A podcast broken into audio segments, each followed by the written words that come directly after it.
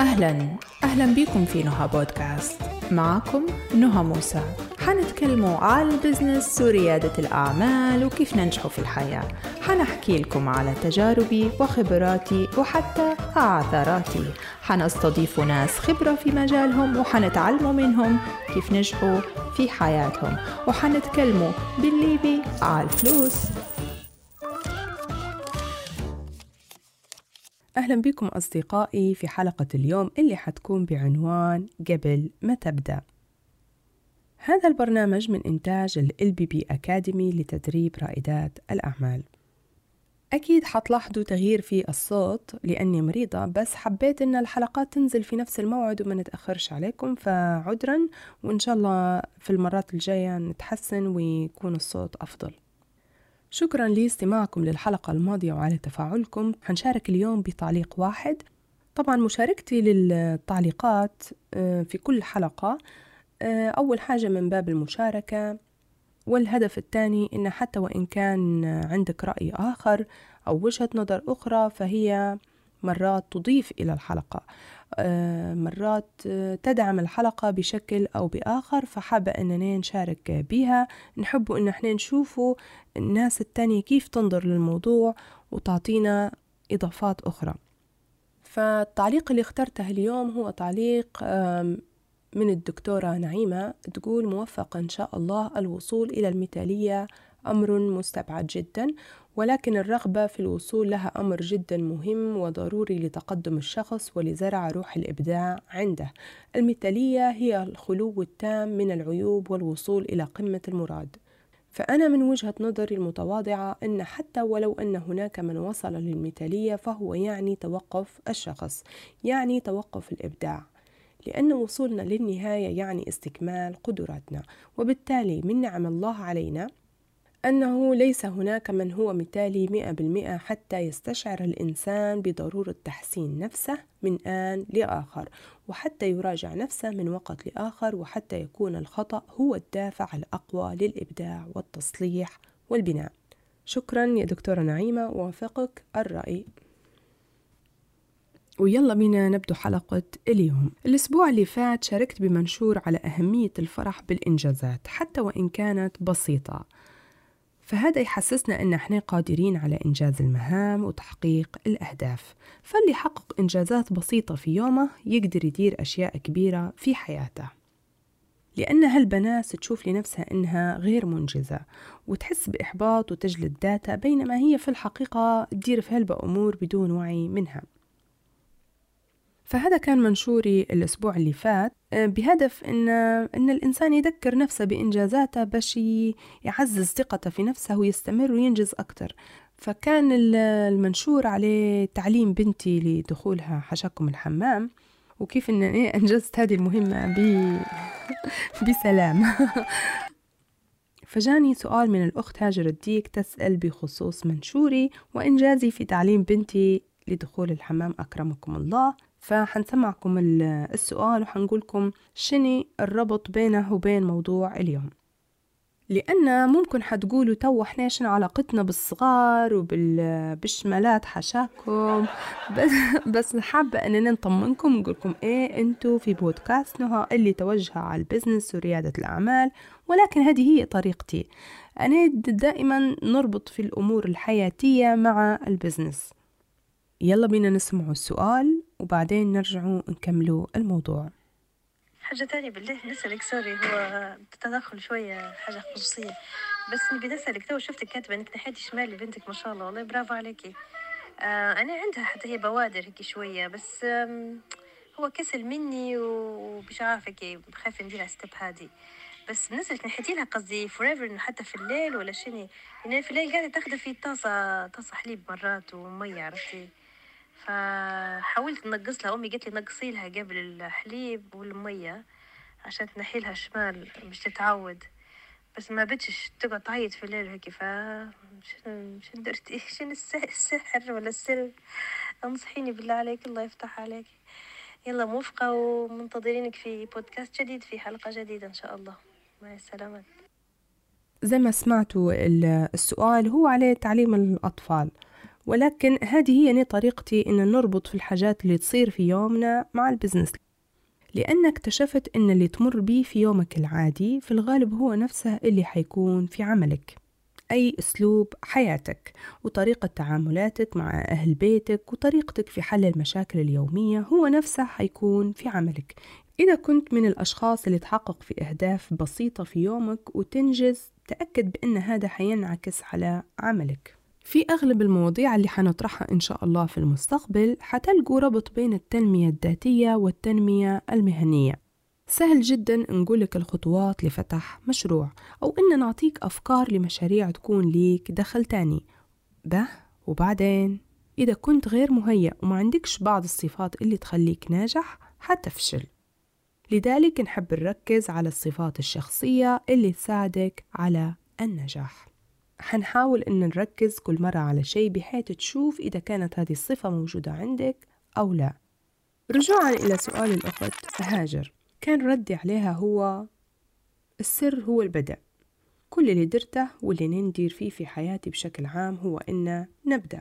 نبدأ بعدين نشوف شو نقدر ندير. المهم إن نكسر الحاجز بالخطوة الأولى وهي إن نبدأ. لحظة لحظة لحظة شوية. هل ننصح أي شخص إنه يبدأ في أي شيء يبي يديره؟ هل الإجابة حتكون واحدة لكل الناس وفي كل الحالات؟ طبعا لا مش أي حد نقول له أبدأ وبعدين شوف شو بتدير بعدها حسب المعطيات والظروف لا هذه الطريقة قد ترفعك للفشل لما ما تكونش دارس خطواتك ولا عارف وين تبي تمشي ولا أي طريق حتسلك أكيد حتفشل فرضا عندي شخصين واحد عمره عشرين وواحد عمره أربعين والاتنين عندهم فكرة لمشروع. اللي عمره عشرين نقول له أبدأ وجرب وشوف يمكن تستمر يمكن لا يمكن يعجبك المشروع وينجح ويمكن تغير رأيك وتوقف عادي. لأن عنده الوقت للتجربة والمحاولة. لكن صاحبنا متاع الأربعين للأسف ما عندهش الوقت زي متاع العشرين باش يجرب. متاع الأربعين المفترض يكون عارف وين يبي يوصل وشن يبي بالضبط. الدراسات تقول إن أغلبية الناس في العمر 20 إلى 30 يضيعوا في عمرهم في التسليع ولما يوصلوا للثلاثين يتذكروا إن يبوا يأسسوا أحياتهم فيبدوا في البحث عن الذات وهنا يضيع الوقت. المرحلة العمرية بين 20 إلى 30 هي مرحلة البحث واستكشاف الذات مش بعد الثلاثين ولكن هذا اللي يصير لأغلبية الناس. رجوعا مرة تانية لسؤال الأخت هاجر. السر في تحقيق أي هدف بكل تأكيد هو البدء. البدء خطوة مهمة ولكن لما يكون مدروس بإتقان. زي مثلا لو بنقيسه على سؤال هاجر لازم نعرف كأم أمتى نبدأ لازم نعرف أمتى الطفل يكون جاهز وأمتى الأم تكون جاهزة. لازم يكون في تفرغ وصبر. ومحاولات فاشلة عديدة حتى يتحقق الهدف. وأهم نقطة هي الاستعانة بتجارب الغير. ليوناردو دافنشي الرسام المشهور أول ما بدأ في رسم اللوحات كان يعيد في رسم لوحات فنانين تانيين. بعدين دار لوحاته. فالتعلم من تجارب الآخرين يقصر عليك الطريق ويعطيك خلفية شن ممكن تتجنب وشن ممكن تدير باش توصل أسرع لهدفك. وديما أبدأ من حيث انتهى الآخرون. شركة كوكاكولا كان عندها استراتيجية معينة إنها تحط في المشروب في كل مكان على أمل إن يكون في حد عطشان ويشري منهم وفعلا نجحت الفكرة. فلما صاحب محلات جاب المشهورة شاف الاستراتيجية هذه انعجب وانبهر بيها بشكل كبير ودار نفس الشيء بما يتناسب مع منتجاته فخلى محلاته في كل مكان وفعلا حقق نجاح كبير. هذا يعني مش إنك تقلد الآخرين ولكن تشوف شنو اللي خلاهم ينجحوا وتدير زيهم بما يتناسب مع فكرة مشروعك وتتعلم منهم كيف نجحوا. بالعادة الناس اللي نجحت ما نجحتش في يوم وليلة أو بالصدفة. هم ناس تعبوا على أنفسهم وجربوا أشياء هلبة حتى وصلوا للي هم فيه. فلازم يكون عندك شخص أو شركة أو مؤسسة تقتدي بها وإن لزم الأمر تدفع باش تقصر على روحك الطريق لأن أنت مش حتشري المعلومة وبس. أنت حتشري خبرة سنين وحتشري وقت إضافي ليك. الصراحة موضوع البدء موضوع مشعب هلبة وصعب يتغطى في مرة واحدة. ولكن قبل ما تبدأ راجع نفسك شوف قدراتك مواهبك وأعرف شن هدفك من المشروع لو حققته وشن حتستفيد. ودير دراسة جدوى وخطة عمل باش تعرف كيف تحقق الهدف وعدة أمور أخرى. ومن خلال البدء والمسير تبدأ الطريق ترسم بشوية بشوية. وتغير وتعدل وتطور بما يتماشى مع هدفك الرئيسي. لما يكون عندك هدف انت خلاص تبدأ تأسس عليه الهدف الرئيسي متاعك لأن الطريق هي عادة مش موجودة هي الطريق انت ترسمها بمسيرك فيها وانت ماشي ترسم في الطريق.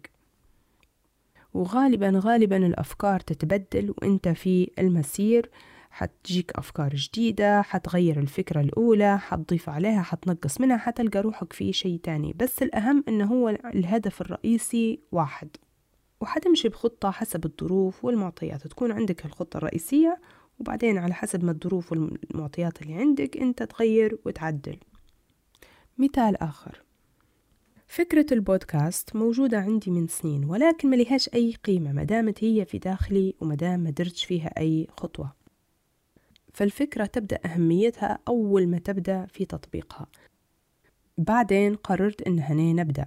طبعا القرار هذا أكتر من سنة ونزلت بوست على الفيسبوك نتكلم فيها على رغبتي وقراري وهذا أول شيء درته أن أنا سألت المتابعين. وهذه نقطة مهمة جدا جدا أن نشوف هل فيه استجابة وتشجيع على الفكرة أو لا. وهذا اللي يقولوا له اختبار السوق. تختبر المنتج متاعك أو الفكرة متاعك قبل ما تبدأ فيها. بعدين درت دراسة للفكرة بشكل عام فشفت شن هي الأدوات المطلوبة وكيف نقدر نطبق الفكرة. هل هذا يكفي؟ طبعا نقول لك لا. في أمور تانية وديما دير في بالك إن حتطلع لك أشياء ما كانتش في الحسبان وهنا يجي دور الاستعداد. هو صحيح أنا عندي مهارة الطرح والإلقاء ولكن في الحقيقة هذا غير كافي. إذا أنا نبي الشي ينجح لازم نتعلم نتعلم كيف ننجحه. اللي نبي نوصله لك إن أنت قد تكون صاحب حرفة أو موهوب في شيء معين وتبي تبدأ في مشروع ولكن هذا غير كافي في حد ذاته. لازم تكون عندك مهارات تانية وتشوف للناس اللي سبقاتك وتتعلم من تجاربهم وتتعلم كيف تنجح. يقال من سار على الدرب وصل. أكيد حيوصل. مدام مستمر حيوصل. ولكن الفكرة مش في الوصول الفكرة إن أنت توصل بسرعة. نتذكر زمان في امتحانات ال listening كانوا يسمعوا فينا في القصة وبعدها تجي الأسئلة وكانت بسرعة ومطلوب منا إن إحنا نركزوا ونجاوبوا بسرعة. وكنت أنا نقول لو يعاودوا بس السؤال لو, ي... لو يكون في وقت أطول. فاكتشفت إن الوقت والسرعة هم جزء من الامتحان. ولو تلاحظوا كل الامتحانات بشكل عام لها وقت معين وهذا دليل على أن الوقت والسرعة من أهم عوامل النجاح. قد تكون عندك الإجابة بس لو ما كنتش سريع وعلى الوقت مش حتنجح. نتذكر في موقف تاني. نتذكر في أيام لما كنت نتعلم في السواقة كانت المدربة متاعي تقول لي أنا ملياش علاقة إذا كنت تعرفي شوية أساسيات أو لا. أنا نعلم من الصفر. فقلت لها تمام أوكي به. فنتذكر إن أعطتني أربع ساعات كانوا كلهم نظري. علمتني تفاصيل. أنا في هذاك الوقت كنت نقول في نفسي أنا ما نبيش كل هذا أنا نبي نسوقه بس. بس اللي اتضح لي مؤخرا إنها هي علمتني بالطريقة الصح وسواقتي يستشهد بها الحمد لله. كانت تقول لي قبل ما تشغلي السيارة عدلي الكرسي قدمي وخري بعدين عدلي الظهر بعدين عدلي مسند الراس بعدين عدلي المراية لأن المقاسات تتغير حسب إمكانك. بعدين عدلي الستيرسو وبعدين البسي الحزام بعدين شغلي السيارة. ففهمت إن الفكرة مش إنك تسوق الفكرة تفهم الأساسيات تفهم الخطوات وبالترتيب. وتتعلم على الصح. طبعا هذه الأشياء للمبتدئين. بعدين مع الوقت تبدأ أنت تديرهم بسرعة من غير ما تشعر. الخلاصة. قبل ما تبدأ تعلم كيف تبدأ واستعد للبدء وتعلم من اللي سبقك وأعرف الأساسيات والخطوات والأهم من هذا كله أنه يكونوا بالترتيب. الترتيب عامل مهم جدا جدا لأن الأشياء لو ما درتهاش بالترتيب حتضيع وقت والوقت زي ما قلنا إنه هو من عناصر النجاح. وأخيرا أعرف أهمية العمر والوقت. هل هذا يعني إن اللي في عمر الأربعين ما يقدرش يبدأ وما يقدرش يجرب؟ لا طبعا لا. أن تأتي متأخرا أفضل من أن لا تأتي أبدا. تحياتي ويومكم سعيد.